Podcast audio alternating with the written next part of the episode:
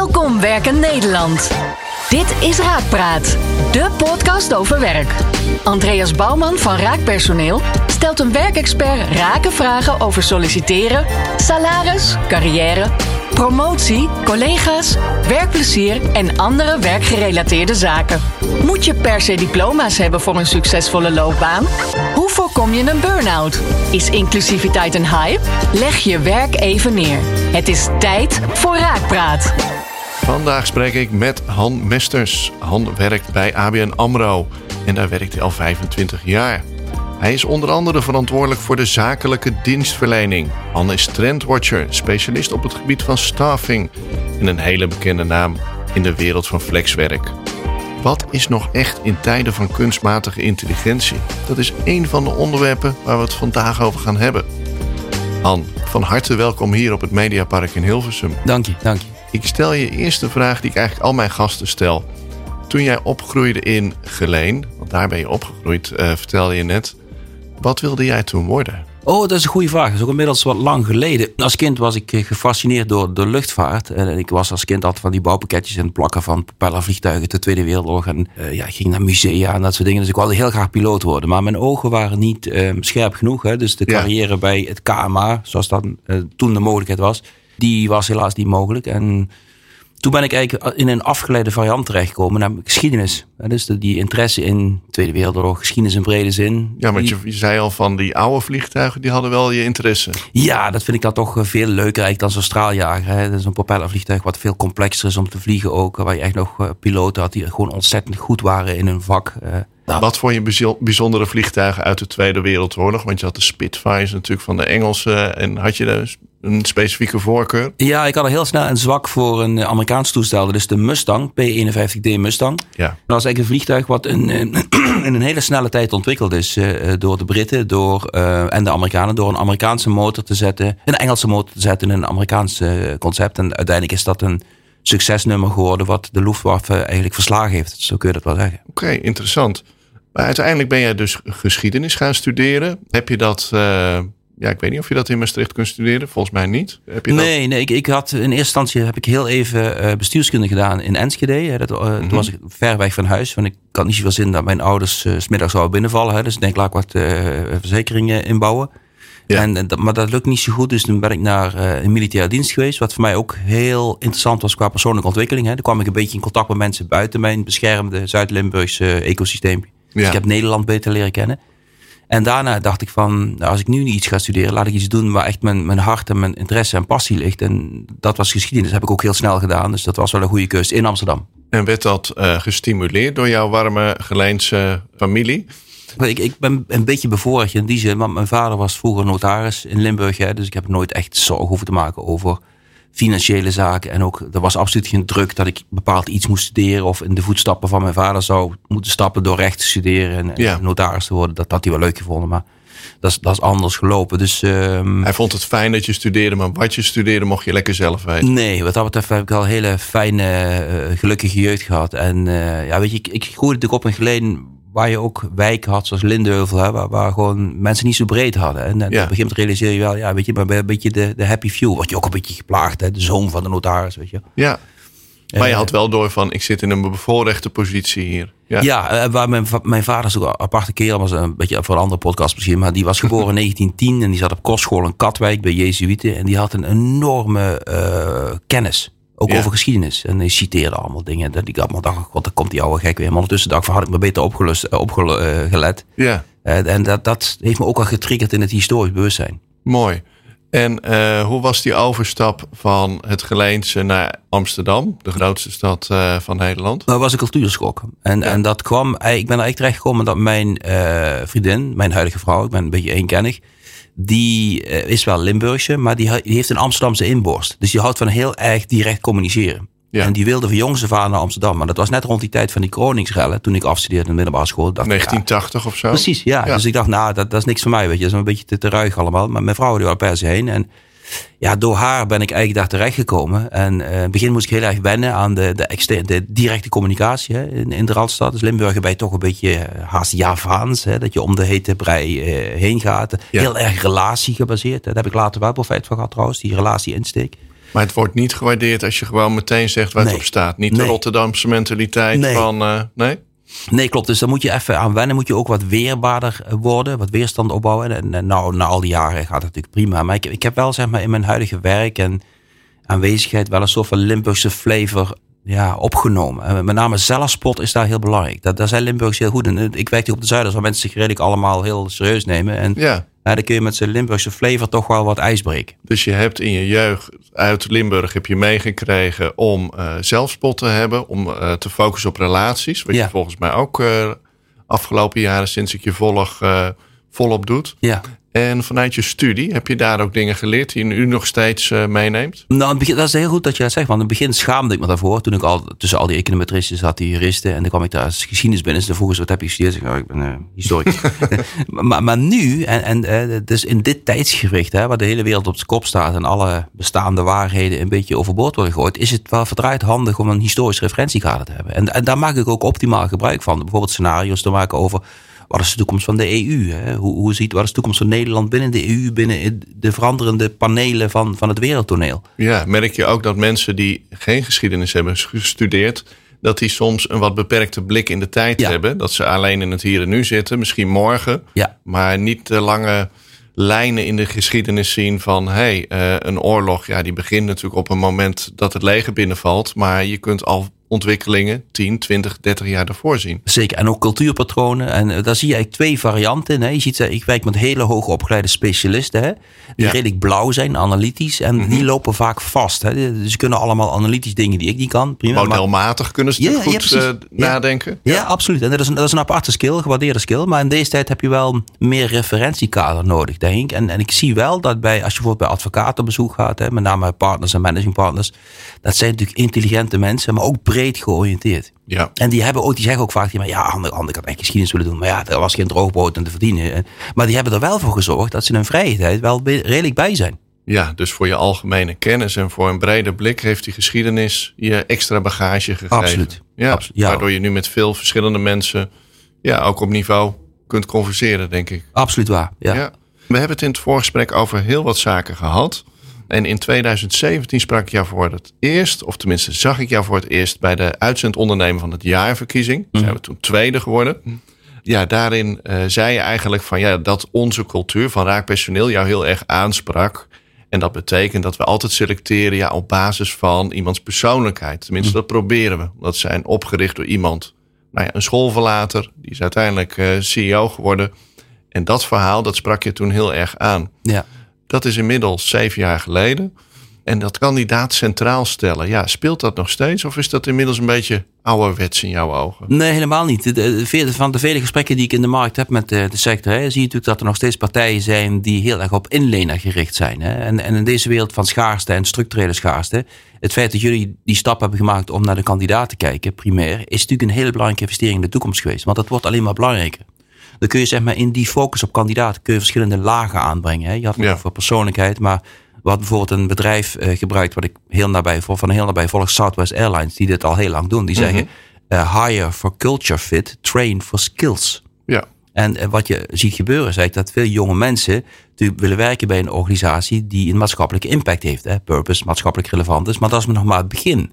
Want ze willen ook werken bij een organisatie die ergens voor staat. Hè? Dus die stap die jullie hebben gemaakt door focus op de persoonlijkheid is een mooi voorportaal om die andere ontwikkelingen van die kandidaat ook eh, mee te nemen. En ik denk als je dus nu nog die draai moet maken hè, van inlener gefocust naar kandidaat in termen van cultuurverandering, dan heb je het wel moeilijk. ja, dan heb je misschien wel zelfs wel de boot gemist, eh, denk ik eerlijk gezegd. Ja, dat zou goed kunnen. Het kost best wel tijd om die cultuur tussen de oren te krijgen. Ja.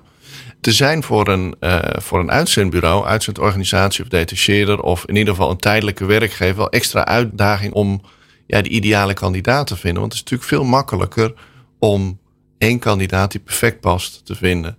In plaats van te kijken van, hey, iemand past nog niet... maar past qua cultuur wel, maar die moeten we nog helemaal eh, ja, eh, geschikt maken. Ja. Hoe zie jij dat en wat zou je kunnen doen als uitzendorganisatie om daarin een, rol te spelen? Ja, dat is een hele goede vraag. En het verbindende element is competenties. Dus wat je ziet in die wereld van structurele schaarste, dat je vaak niet meer kunt vissen in de bestaande vijver, waar je mensen kunt vinden met misschien een 80, 90 procent fit met wat de inlener aan eh, functiebeschrijving heeft. En dit proces is al langer gaande, dat je dus creatief moet zijn. Je moet denken van, goh, waar kan ik nou mensen vinden die misschien een 70% uh, match hebben met wat de inlener vraagt. En de rest moet de inlener dan via begeleiding of opleiding invullen.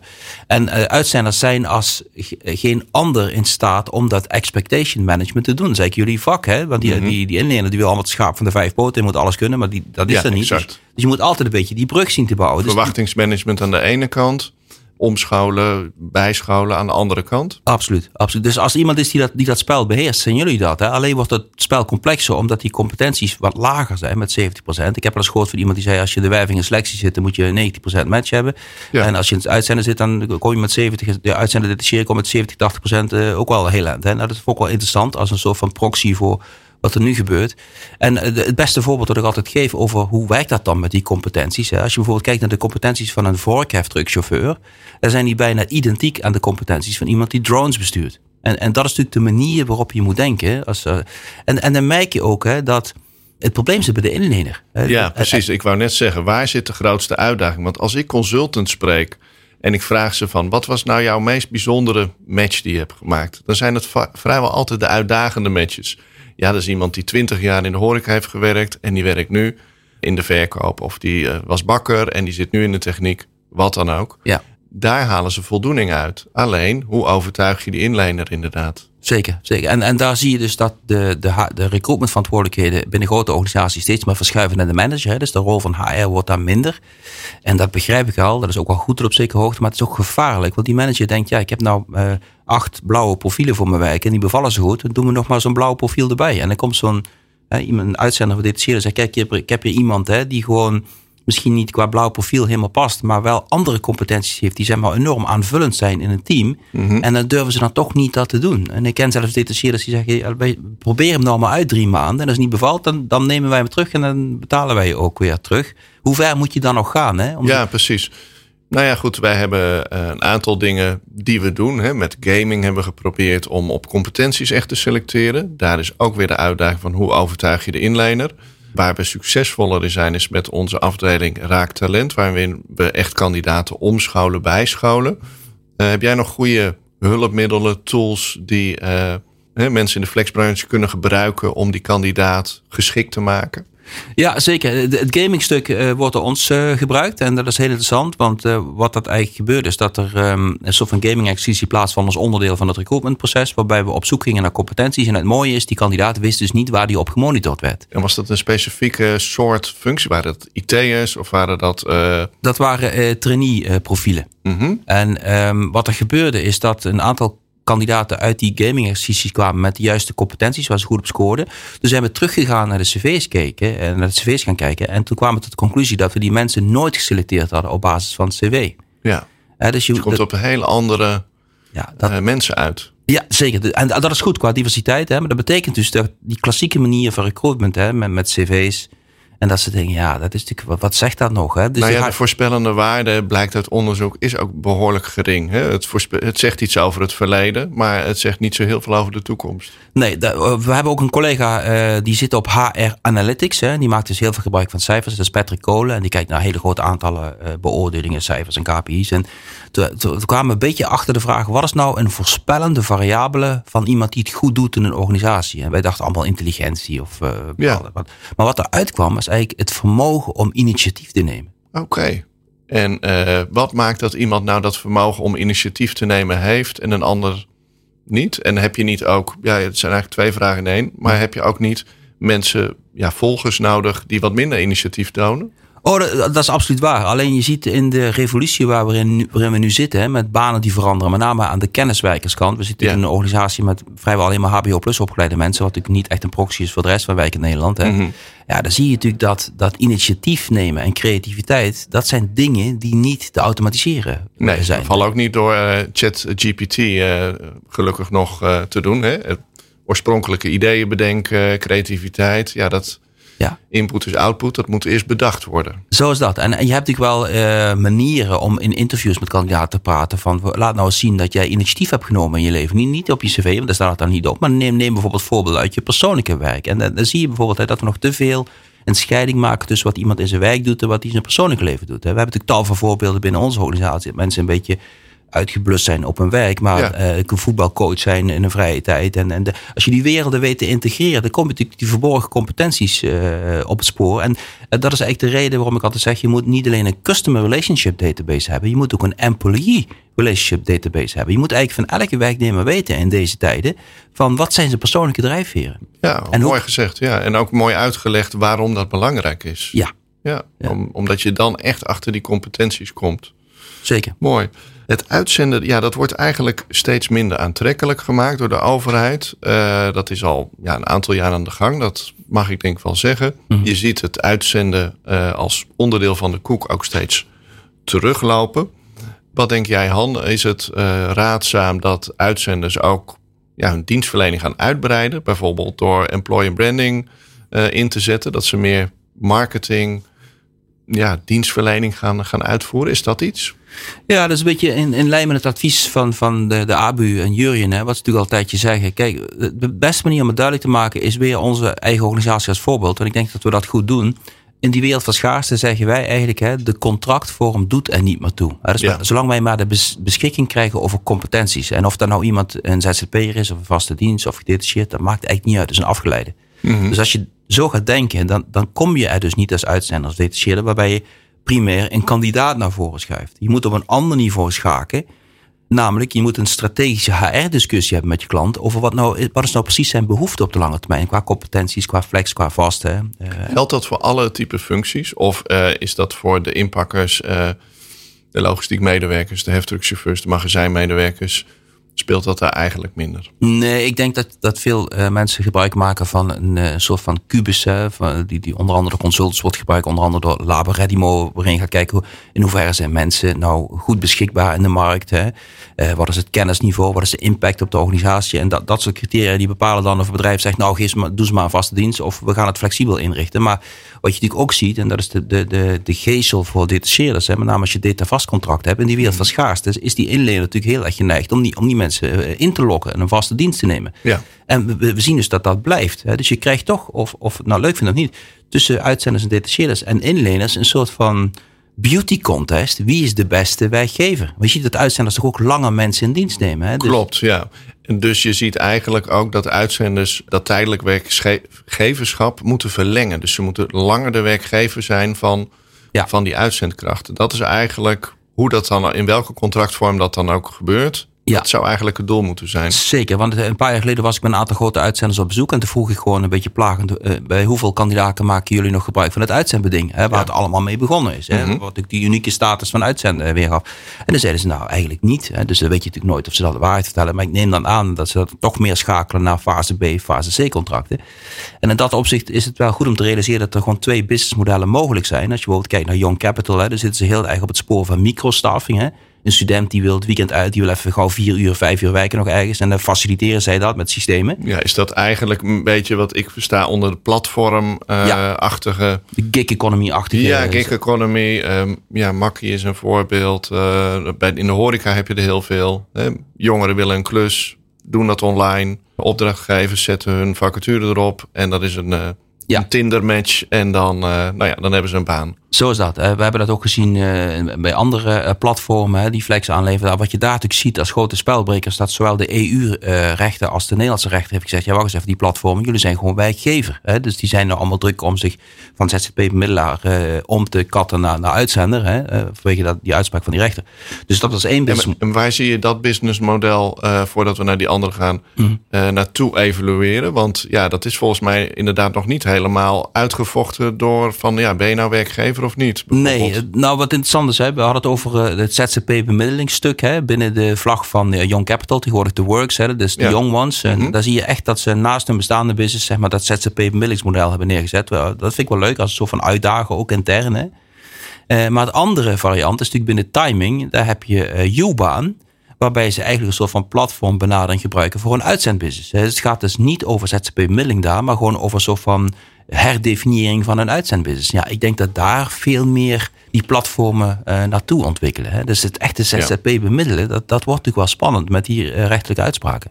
Ja, ja, precies. Ja, en het, het, zijn, eh, het is een heel ander verdienmodel. Je hebt één keer eh verdien je er wat op. Je bent ook niet echt, ja, of je nou juridisch werkgever bent of niet, maar je zal ongetwijfeld niet echt als werkgever gezien worden door die jongeren. Nee, absoluut waar. En, en dat verdienmodel is interessant dat er een component aan vastzit, wat mensen wel eens vergeten. Hè. Niet alleen krijgen ze een fee op de bemiddeling van die ZZP'er, maar wat ze ook vaak doen, is dat ze tegen zo'n ZZP'er zeggen: Wacht eens even, jij moet een maand wachten op jouw geld, maar dat, je kunt het geld ook nu krijgen. Maar dan bouwen we daar een korting in. Hè. Dus dan houden wij een stukje zelf. Dus ze gaan een stukje voorfinancieren en, en bank spelen. En, en, en, de marge die ze daarop maken is best wel aanzienlijk. Dat moeten we niet uitzetten. Dus dat vond ik wel een slimme manier. Hmm, Oké, dat is een nieuw inzicht voor mij.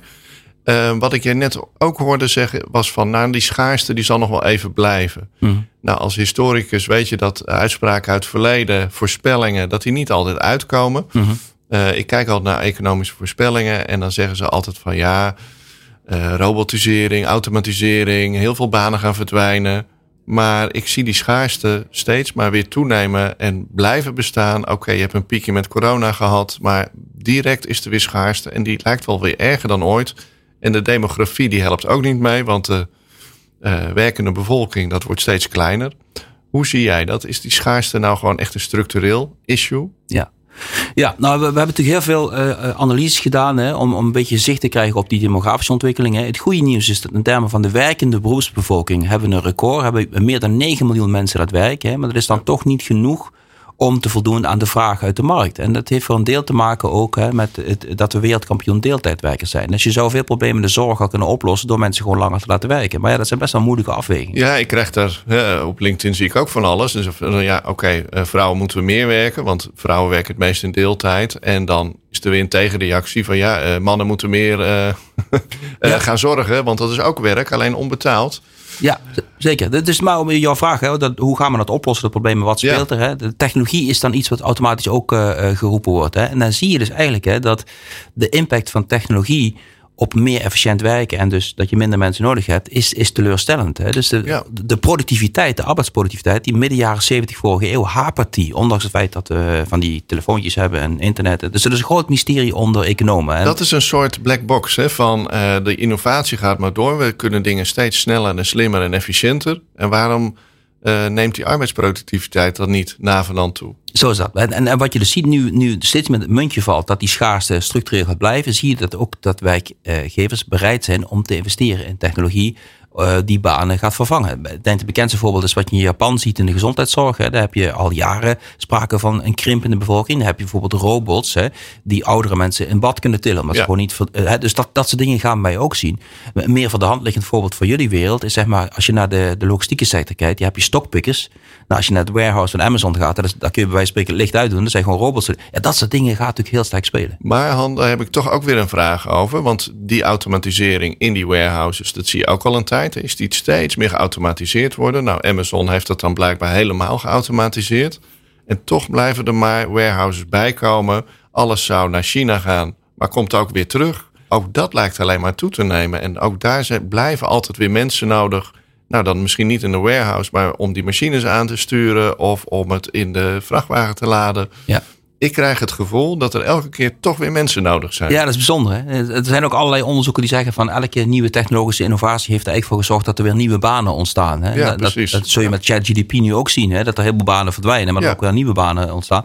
Maar wat we dus, en dan komt weer de historische uh, analyse om de hoek kijken hoe belangrijk die is.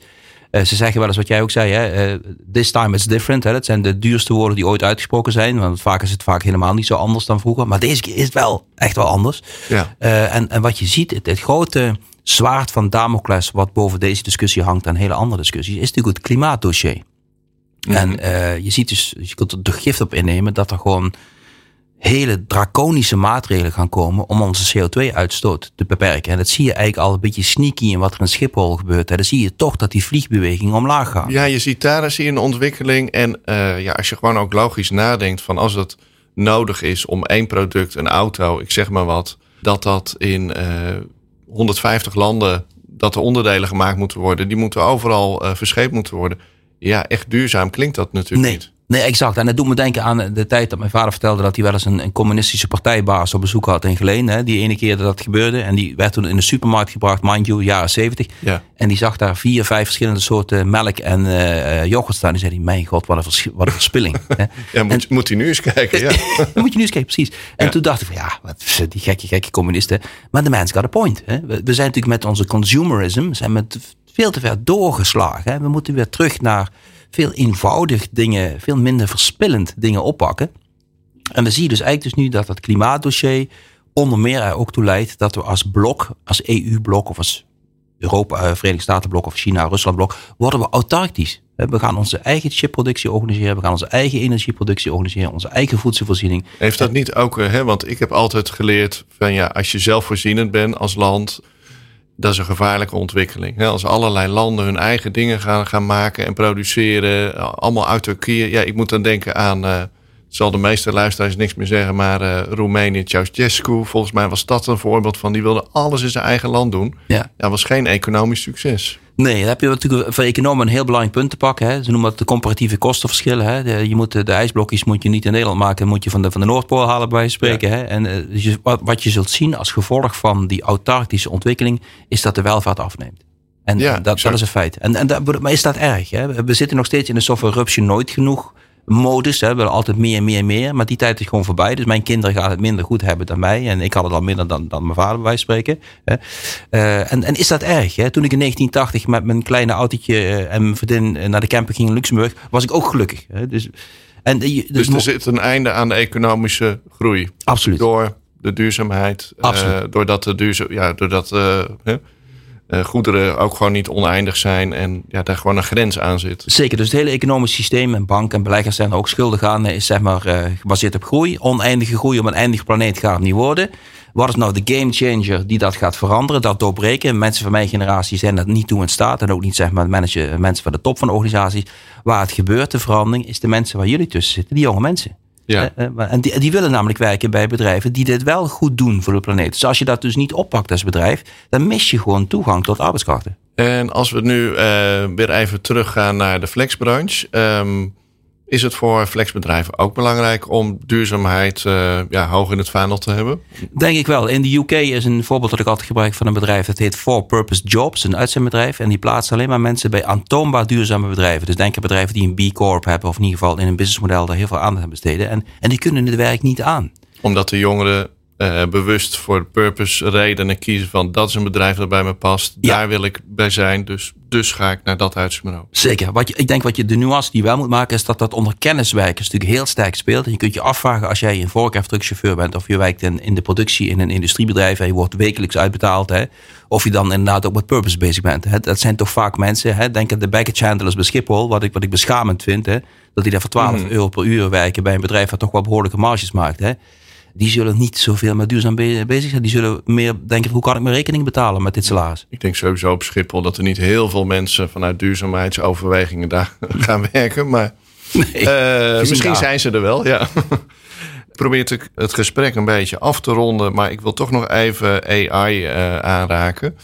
Zie jij daar bepaalde gevolgen voor, ook weer de flexbranche, in het contact bijvoorbeeld met kandidaten? Wij zijn heel erg, ja, ons bestaansrecht is eigenlijk persoonlijk contact, aandacht. Uh, daar komt het in de kern wel op neer. Uh, AI, nou ja, dat is dus kunstmatig, dus zonder menselijk contact. Mm.